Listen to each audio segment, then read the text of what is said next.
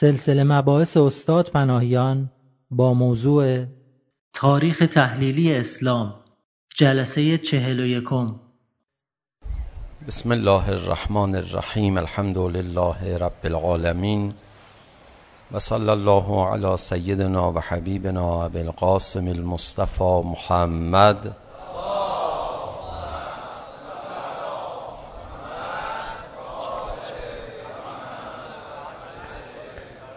وآله الطيبين الطاهرين المعصومين سيما الحجة بقية الله الأعظم روحي وأرواح العالمين له الفداء واللعن الدائم على أعدائه مجمعين إلى قيام يوم الدين رب اشرح لي صدري ويسر لي أمري واحلل عقدة من لساني يفقه قولي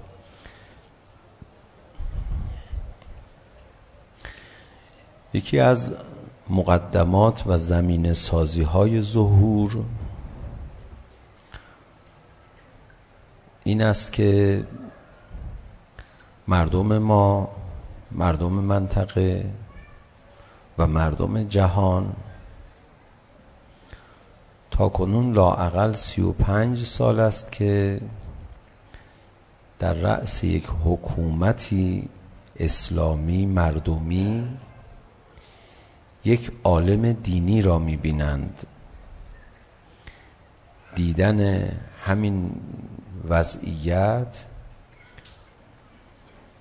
اونها رو آماده میکنه برای اینکه بعد از ظهور حضور حضرت رو در رأس یک حکومت جهانی منطقه‌ای بپذیرن به سهولت. و هرچه بر تجربیات خوب این حکومت دینی افزوده شود اینها همه در جهت مقدم سازی برای ظهور به کار گرفته خواهد شد. الان شرایط خیلی متفاوته با سالهای اول انقلاب و حتی بیشتر از اون با قبل از انقلاب. که مردم از یک عالم دینی دخالت در سیاست رو زیاد انتظار نداشتن. چه برسه به این که در رأس حاکمیت هم قرار بگیره. ولی الان با توجه به هم تاریخ کشور ما هم شرایطی که در منطقه به وجود آمده است و شما نظائر و اموری که شبیه هستن رو هم در عراق و لبنان و بهره مشاهده میکنید. مردم دیگه کم کم انتظار دارن و آمادگی دارن که از یه عالم اخلاقی صرفا کار تعلیم و تربیتی نبینن. نه از یک عالم دینی صرفا کار تعلیم و تربیتی نبینن. از یک عالم دینی صرفا کار اخلاقی انتظار نداشته باشن. کار حکومت هم انتظار داشته باشن. و دیگه بعد از این مقدمات طبیعی که داره زمین سازی میکنه برای ظهور اگر حضرت تشریف فرما بشن طبیعتا مردم پذیرششون نسبت به این مسئله خیلی آسونتر خواهد بود. ما باید به نقطه‌ای برسیم که این درک یک درک عمیق بشه که متاسفانه الان نیست. ما فکر میکنیم که تصادفاً بالاخره از حسن اتفاق مسائل به هم دیگه جور شده و این گونه شده که یک عالم دینی در رأس حکومت قرار گرفتن حضرت امام رضوان الله تعالی علیه در کتاب ولایت فقیهشون که در واقع پیاده شده چند جلسه درس درس خارج ایشون هست. در اونجا مفصلا توضیح میدن که العلماء و ورثه الانبیا اصلا معناش یعنی همین. همونطوری که انبیا حکومت میکردن علما هم باید همین کار رو بکنن.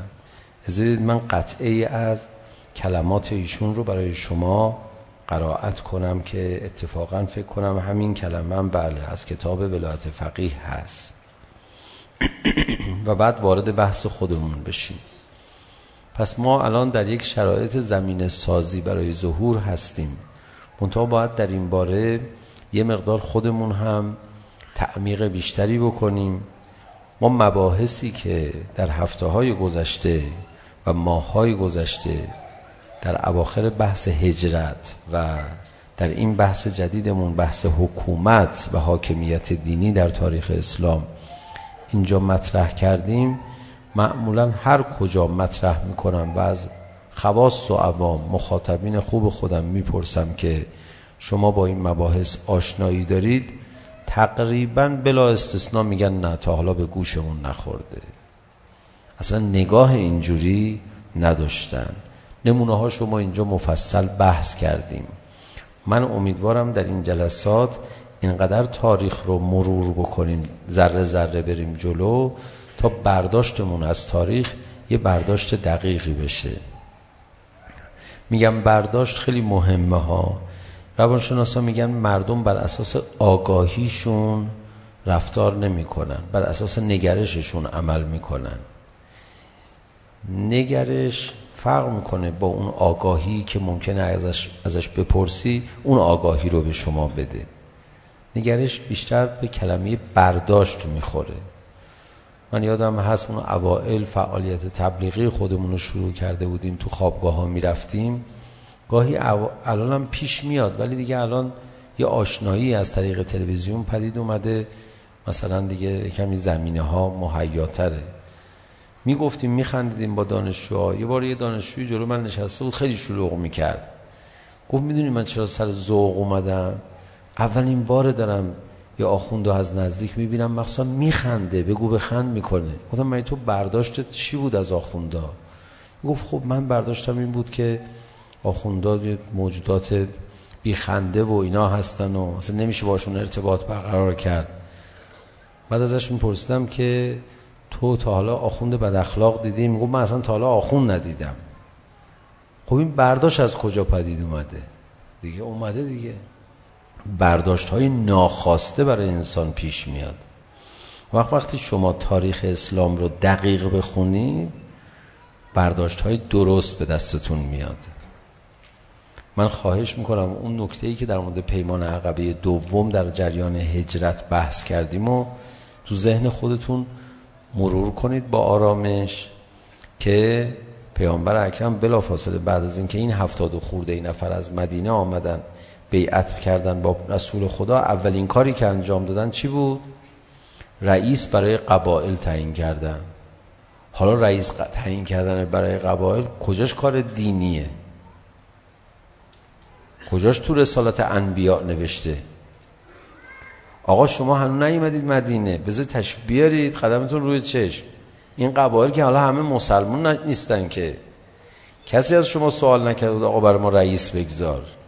اینا طبیعتا تا حالا یه جورایی رئیس داشتن دیگه حالا بقیه‌ش هم ادامه میدن دیگه جدای از این سوالها آیا این موضوع اینقدر مهمه که جبرئیل امین هم باید بیاد اسامی رو بیاره پایین یکم نگاه کنید برداشتتون از پیغمبر یقینا عوض میشه ما داریم تاریخ رو مرور میکنیم به این دلیل به دلیل اینکه نه فقط آگاه بشیم. به دلیل اینکه برداشتمون درست بشه. برداشت ما کلا از دین زیاد سیاسی نیست. امیدوارم حضرت امام مقام معظم رهبری و دیگر رهبران دینی تونسته باشن یه مقدار این برداشت ما رو اصلاح کنن. ولی هنوز اصلاح نشده. هنوز عمیقا برداشتمون تغییر پیدا نکرده و دقیقا برداشت صحیحی پیدا نکردیم. یا اون جایی که پیامبر گرامی اسلام ما اینجا بحث کردیم یه بار. با اقوام مختلف وقتی صحبت میکردن قبل از هجرت اونا رو دعوت میکردن. به چی دعوت میکردن؟ به کمک کردن به جنگیدن با خودشون.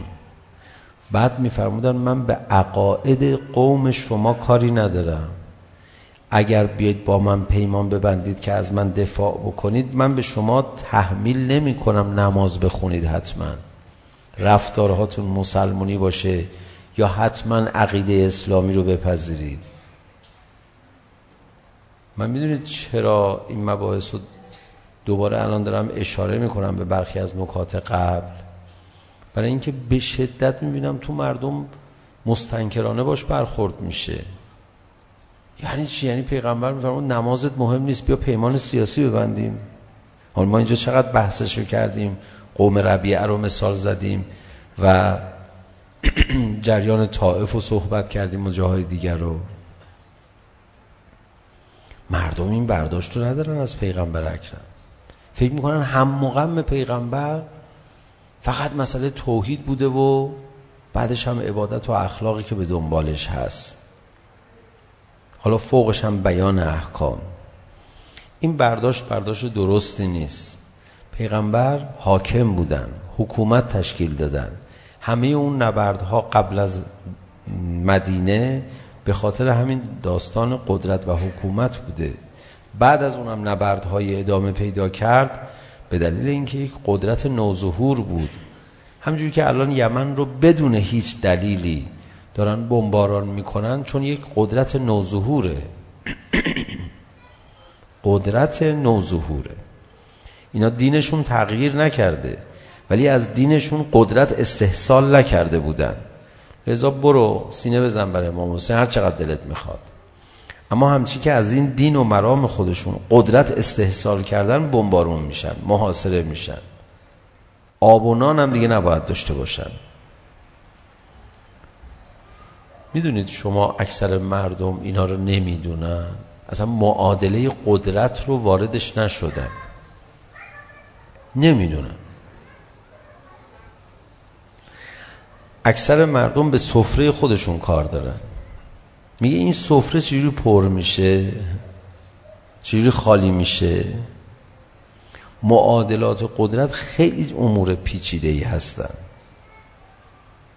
مثلا آمریکا اونور دنیا نشسته چرا احساس میکنه اگر عراق و سوریه به حال خودشون واگذاشته بشن دارن زندگیشون رو میکنن چرا فکر میکنه خودش نابود میشه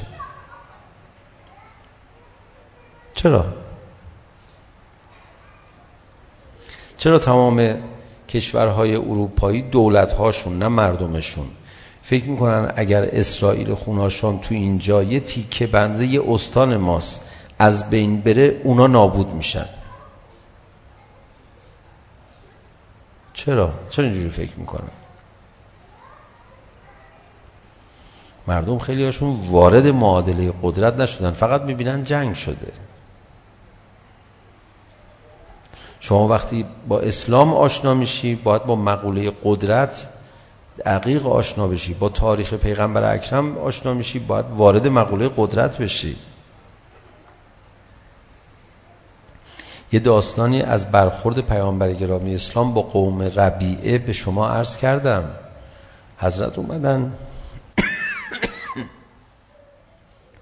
اونها رو دعوت کردن به همکاری یه نفرشون برگشت نگاه کرد به پیغمبر اکرم ظرفیت سیاسی پیغمبر رو تشخیص داد.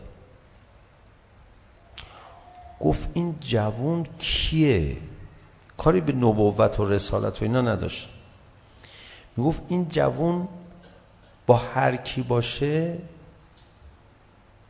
میشه به وسیله این آقا عرب رو خورد. جهان عرب رو میشه بلعید. تحلیل سیاسی کرد درباره پیغمبر. چرا؟ حتما توضیح نداده دیگه. نفوذ اجتماعیشون همین که میبینید چه بیانی داره. چه سلامتی داره. چه اعتماد به نفسی میتونه چه اعتماد به نفسی داره. چه اعتمادی دیگران میتونن بهش بکنن. چقدر حکیمانه حرف میزنه. چقدر خوب مدیریت میکنه. تو چهار تا برخورد چهار تا نه چهار کلمه ای که در یه برخورد با ما داشت آقا این قدرت مدیریت جامعه رو داره. طرف تشخیص داد. آدم سیاسی بود. بعد از اینکه اینو گفت گفت آقا من با شما یه عرضی دارم.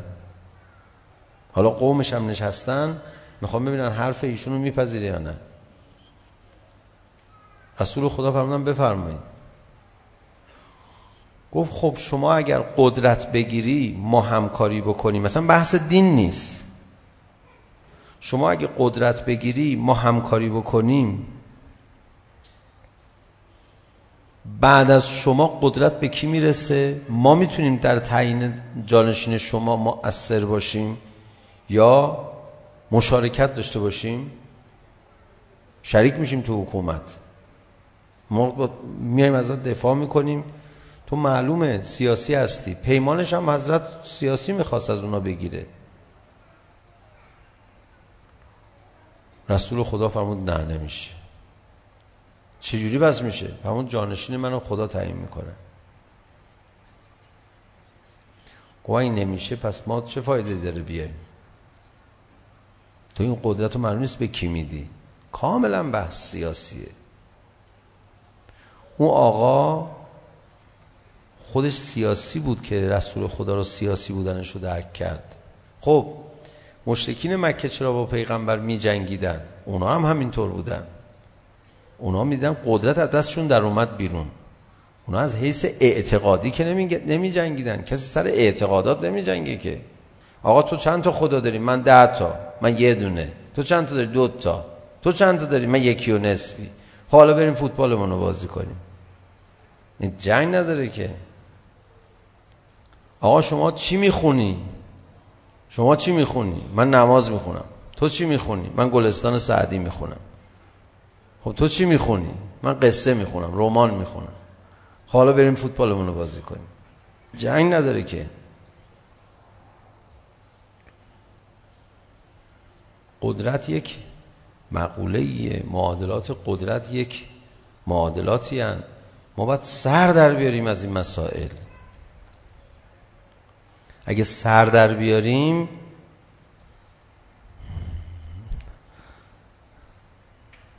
اگه سر در بیاریم مثلا میدونید چی میگیم؟ میگیم دو تا جنگ یکی داخلی یکی خارجی به کشور ما تحمیل شده. تا حالا در طول تاریخ 35 ساله جنگ داخلی که به ما تحمیل شد قائله کردستان بود. چند سال طول کشید؟ حداقل دو سال ما اونجا میدیدیم برای سرهای بریده جایزه میذارن. عین رفتار داعشی ها یه مادر شهیدی هست که پسرش رو جلوی خودش تکه تکه کردن. تکه تکش کردن. داستانش رو مادره تعریف میکنه. فقط میگفتن یه فوش به امام خمینی بده. یه دونه. چجوری گوشت رو توی قصابی سلاخی میکنن؟ من اون کسی که داشت تعریف میکرد که میگفت فیلمش هست که من خودم رفتم از مادرش مصاحبه گرفتم تعریف کرده. گفتم دیگه نمیخوام به من بگی بقیه شو کردستان این کارا رو میکردن. این یه جنگ یه جنگ دیگه هم که جنگ تحمیلی. وارد معادلات قدرت بشی میگی یکی از مؤثرترین عوامل این دوتا جنگ چی بوده؟ رئیس دولت در قائله کردستان آقای بازرگان بود. با وجود او میشه این قائله ها را انداخت. رئیس دولت در آغاز جنگ تحمیلی بنی صدر بود. دولت ضعیف بشه بهتون حمله میکنن. ربطش رو برو پیدا کن. سیاسیون ضعیف وابسته سست توی کشوری قدرت بگیرن تیک بزرگه اون کشور گوششه. یا باید برده بشه یا باید برده بشه.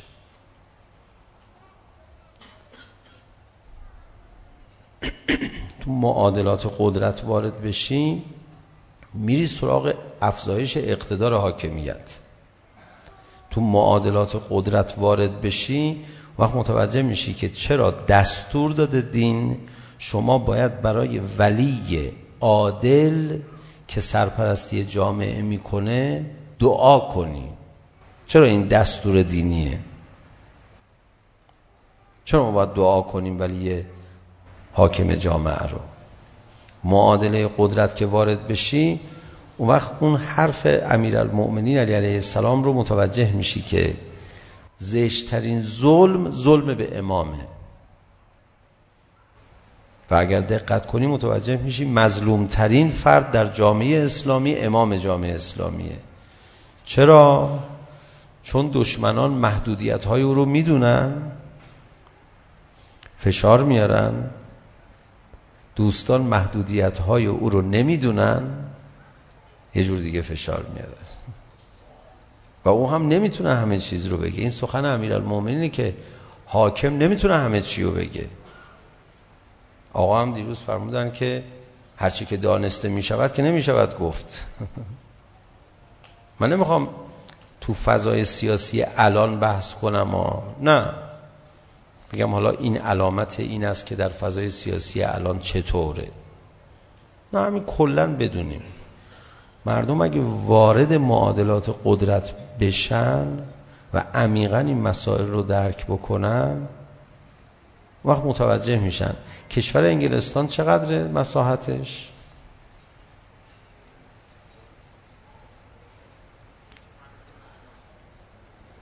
یک اندازه سیستان.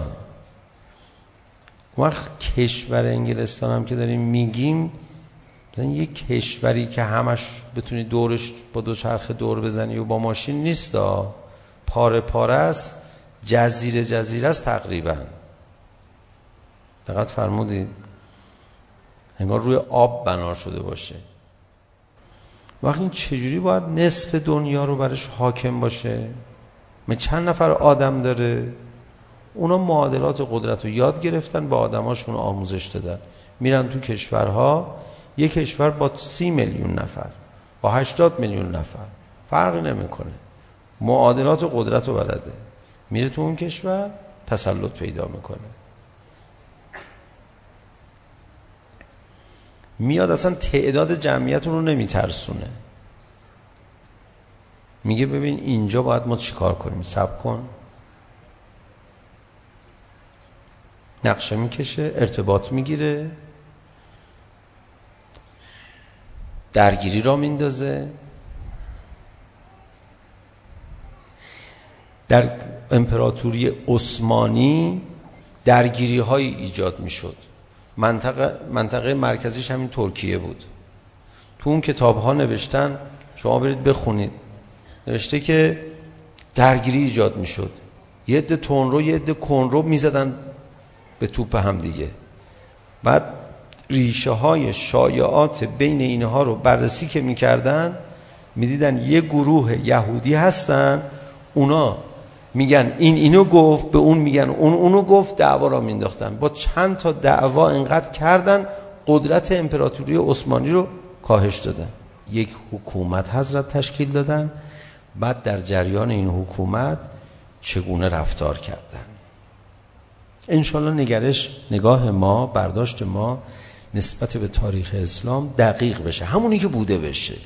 ولی از کنار کوچکترین حادثه تاریخ راحت رد نشید بشینید دقت کنید. بقیه قطعات پازل رو هم با احتیاط و عقلانیت بچینید. امشب چند تا آیه قرآن براتون بخونم. قبلش یا بعدش باید اینو میخوندم. حالا قبلش این فرمان فرمایش حضرت امام براتون بخونم. میفرماد در زمان رسول خدا اینطور نبود که فقط قانون را بیان و ابلاغ کنند بلکه آن را اجرا میکردند. رسول الله مجری قانون بوده.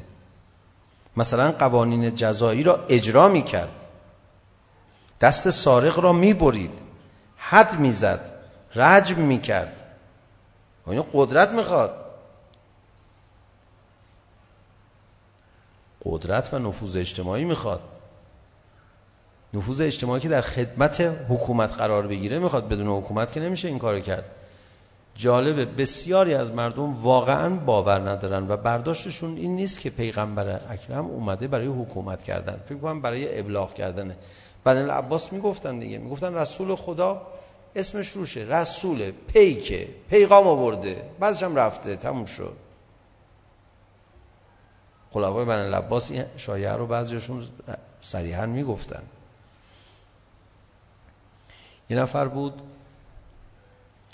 حجو میکرد پیغمبر اکرم رو. رسول خدا یهودی بود. دستور داد او رو به قتل برسونه. یهودی های دیگه اومدن اعتراض کردن. پیامبر اکرم فرمود که هر کدوم از شما مسخره کنید. هر کدوم از مسلمان ها رو به قتل میرسید. باشون هم پیمان داشت. ببینید اجبارشون نکرد بیاید مسلمان بشید. عقیده آزاد. اجبارشون نکرد باید نماز بخونید. عبادت آزاد. خیلی از تصرفات رو در اموال اینا نکرد. حتی جزیه هم نمی گرفت دیگه اوائل شما میدونید دیگه. اول تو تشکیل حکومت جزیه نمی گرفت جزیه بعد یه معادله دیگه پیش اومد و اون مسائل پیش اومد. آزاد. اما اگه بخوای توهین کنی که این بالاخره بار سیاسی داره فرمود اونو به قتل برسونید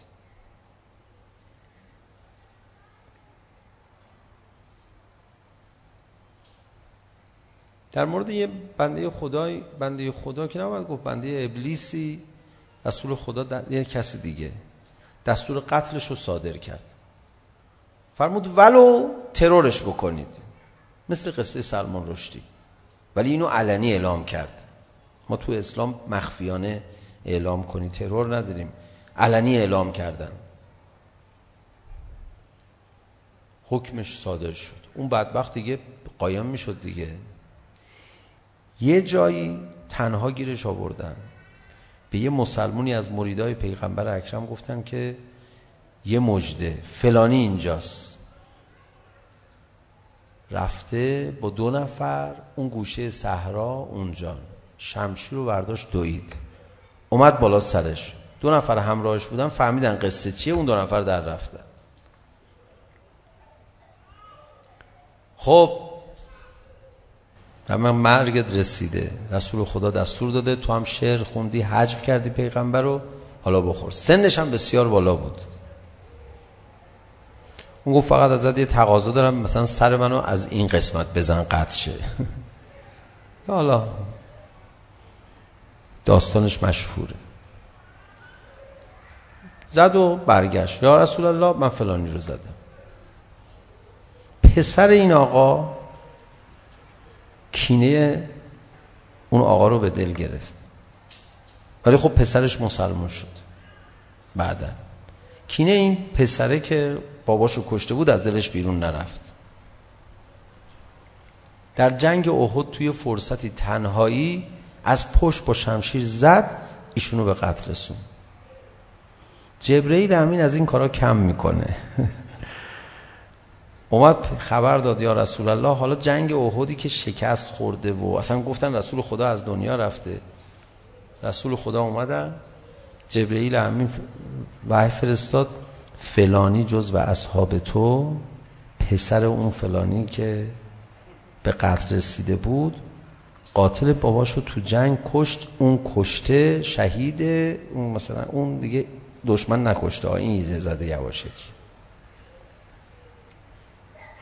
رسول خدا صدا زد میگن تو جمعی از اصحاب یه گوشه پتویی به خودش پیچیده بود رنگ پتوش هم نوشتن. من شو اینجا. دستور داد ایشونو به قتل برسونید تو ورشتی فلانی رو کشتی؟ و آقا یا رسول الله من کشتم. ولی شک به تو نکردم. من ایمان دارم به شما. اشتباه کردم غلط کردم. مثلا توبه میکنم. خیلی مسترانه رسول خدا فرمود مرکب من رو بیارید ایشون رو هم به قتل برسونید. داشت میرفت خودش رو انداخت پای پی... مرکب پیغمبر. التماس. رسول خودش حرکت میکرد فرمان داد بزنید. و او رو به قتل رسوندن. حکومت اقتدار میخواد. ما اگر این بخش های تاریخ اسلام که قصه های خیلی قصه های خیلی تکان دهنده مدینه است خبر نداریم برای اینکه دوست نداریم پیغمبر حاکم باشه. ای معلم مهربان. ای استاد اخلاق نازنین ای عارف کامل سالک الله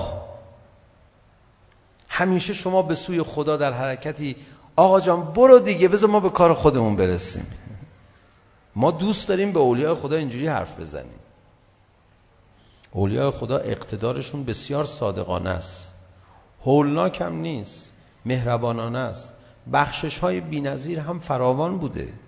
یهود بنی قرائزه رو خیانت کردن. رسول خدا فرمود مگه ما پیمان نبسته بودیم؟ گفتن چرا؟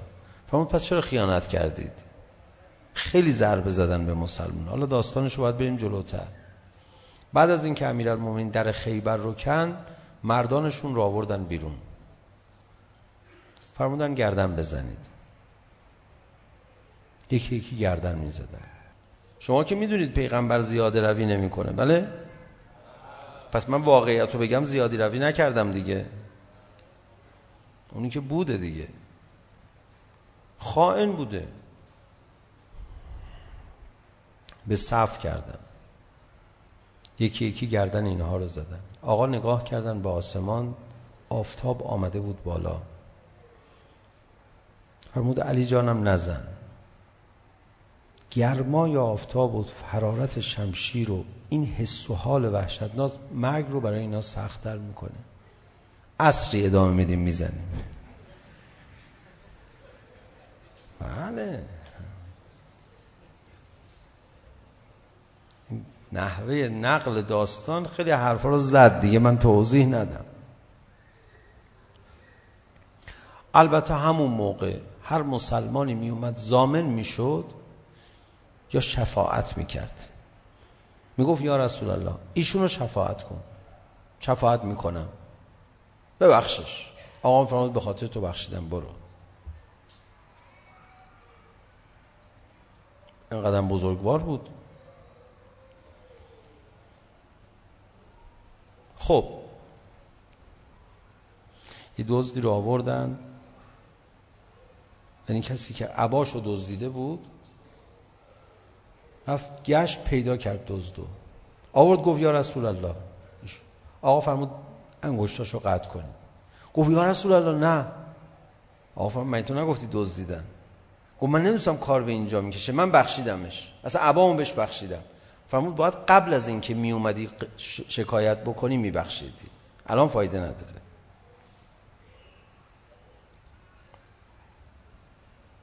نرخو نباید شکست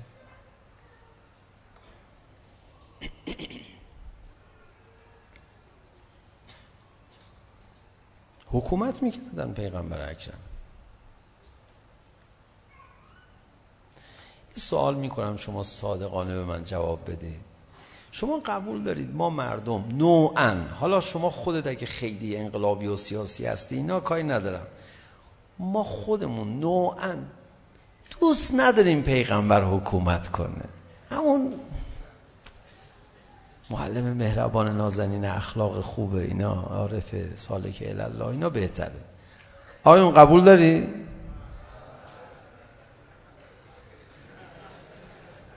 ها واقعا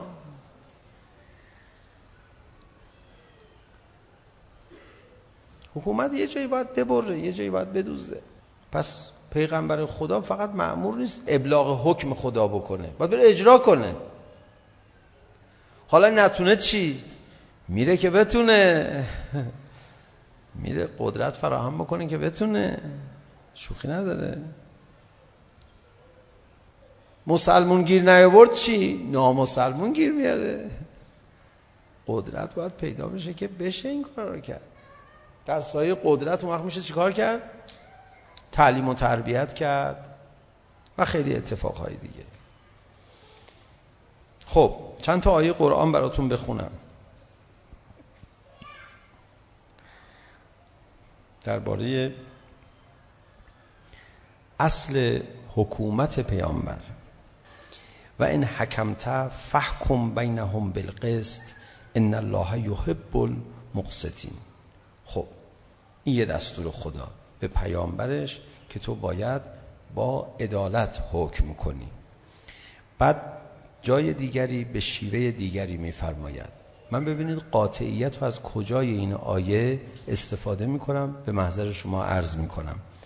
میفرماید در آیه مائده سوره مائده آیه 48 فحکم بینهم بما انزل الله. حکم کن بین آنها به آنچه که خدا نازل کرده است. ولا تتبع اهواءهم. وقتی حکم میکنی از هوای نفس کسی تبعیت نکن. چی شد آقا؟ فحکم کسی بخواد حکومت کنه بعضیا خوششون نمیاد فرمود خوششون نیاد به جهنم. تو قسمت سفیدش نوشته آب جهنم. خوشش نمیاد بعضیا خوششون نمیاد. حالا تتبع اهواهم. حالا چقدر جالبه. اما جاءک من الحق. الى آخر در آیه دیگر میفرماید یا داوود انا جعلناک خلیفتا فی الارض فحکم بین الناس بالحق ولا تتبع الهوا خیلی جاها تو قرآن کریم وقتی دستور به حکمرانی میده اضافه میکنه بلا فاصله بعدش چی؟ ولا تتبع اهواهم و یا ولا تتبع الهوا هوا یعنی چی؟ وقتی حکم کردی به میل کسی نگاه نکن. به دل کسی نگاه نکن. اونی که خدا بهت یاد داده همون رو اجرا کن برو جلو. انا انزلنا الیک الکتاب بالحق. در سوره نساء آیه مبارکه 105 ما بر تو قرآن نازل کردیم. لتحکم بین الناس. قرآن نازل نکردیم که فقط ابلاغ کنیم. حکم کن. حکم کردن یعنی اجرا کن این احکام الهی رو. فقط ابلاغ نکن. به ما اراک الله. بر اساس همون دستوری که خدا بهت داده. من میدونید که الان این آیات کریمه قرآن بخوایم دقیق بهش بپردازیم. خیلی حرف داره. بخشش رو یقینا من جرئت نمیکنم الان بگم. ما هنوز ظرفیت دینیمون خیلی بالا نرفته. ولا تکن للخائنین خصیما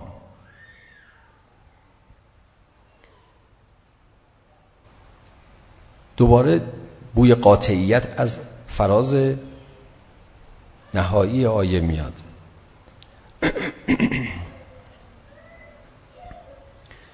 یا در آیه دیگر که همینجور آیات متعددی که خداوند متعال دستور میده. حالا آیاتی که قاطعیت به دشمنان هست اونا رو نمیخونم. یه آیه بخونم از کسانی که تو جامعه اسلامی خیانت میکنن. این آیه رو برای شما بخونم. دیگه من عرض خودم رو تمام میکنم. فإما تثفقنهم في الحرب فشرد بهم من خلفهم لعلهم یتذکرون و هر کدوم از این خائنین رو که پیمان شکستن با تو گیر آوردی یه جوری قوی باهاشون برخورد کن یه جوری نسبت بهشون سخت بگیر که دیگه کسی هوس نکنه با تو مخالفت بکنه پیمان تو رو بشکنه این دیگه صریحه که تو قاطعیت رو باید نشون بدی. پیامبر گرامی اسلام هم یهودی های بنی قریزه رو آورد وسط صحرا و اینا رو یکی یکی زدن. یه نفرشون رو یه نفر اومد شفاعت کرد. به خودش هم گفت. گفت بذار من تو رو شفاعتت کنم. ما بده بستون داشتیم با هم. گفت نه نمیخوام. رفت پیش پیغمبر شفاعتش کرد. رسول خدا فرمود باشه من میبخشم. اونم انقدر عقده ای بود برگشت کشته های خودشون رو دید. گفت نه منو ملحق کن به اینا. رسول خدا فرمود حرفی نیست.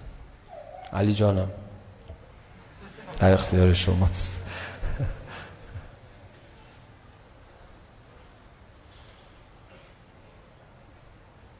این یعنی اینکه احساسات اونها تحریک شده بود دیگه. قتلای خودشون رو میدیدن. یعنی کشته های خودشون رو میدیدن. خب تحریک شده. مخواستن خیانت نکنن. هر جا تا احساسات تحریک شد که آدم از حق کوتاه نمیاد که.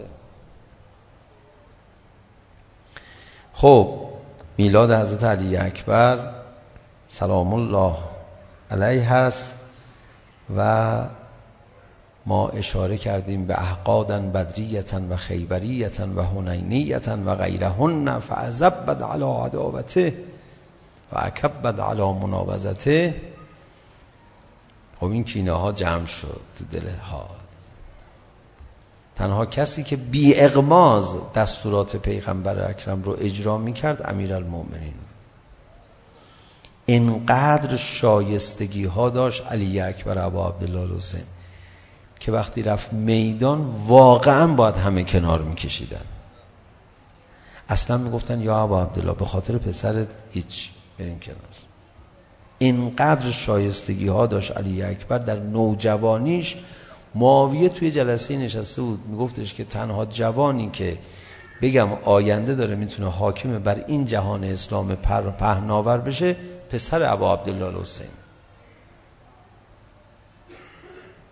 خیلی شایستگی فوق العاده ای داشت. از هر حیث. اشبه الناس خلقا و خلقا به رسول خدا.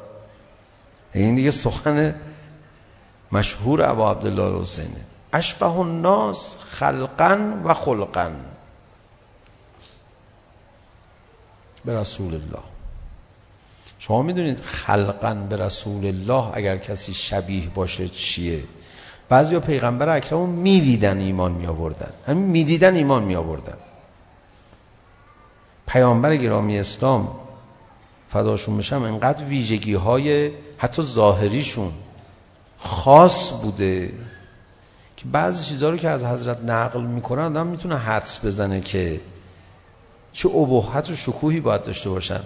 مثلا میگن که پیامبر خدا هیچ وقت سرشو بر نمیگردون عقب نگاه کنه بگه کیه. میخواست برگرده با تمام بدن برمیگشت. این رو اضافه کنید به اضافه قدرت بدنی رسول خدا. در کوه نوردی در خیلی از فعالیت های دیگه اینو اضافه کنید به اینجا که امیر المومنین علی علیه السلام میفرماد هر موقع ما تو جنگ کم می آوردیم به پناه پیغمبر می رفتیم علی ابن عبی طالب در پناه شمشیر زدن پیغمبر اکرم قرار می گرفته ما گاهی اصلا علاقه نداریم زیاد از شمشیر زدن پیغمبر اکرم حرف بزنیم. حالا نسبت به دشمنان رسول خدا چگونه بودن؟ بماند. خدای ممنونتی ما رو انسان آفریدی. میدونید چرا این این رو عرض میکنم؟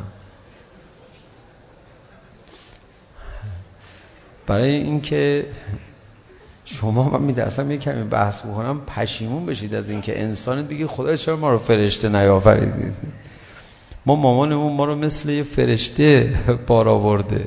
ما اصلا احساساتمون جریه دار میشه این حرفا رو میشنویم. نه فرشته با انسان فرقش اینه. فرشته ها یا فر... معمور غضبن یا معمور رحمتن. اونایی که نوازش میکنن بلد نیستن بزنن.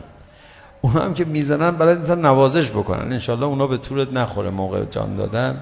اصلا اونا رو نبینی.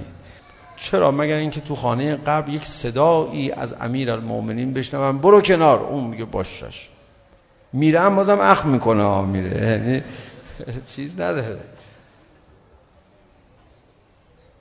اون اصلا معمون اینو بلد. اون کتک زدن رو یاد گرفته.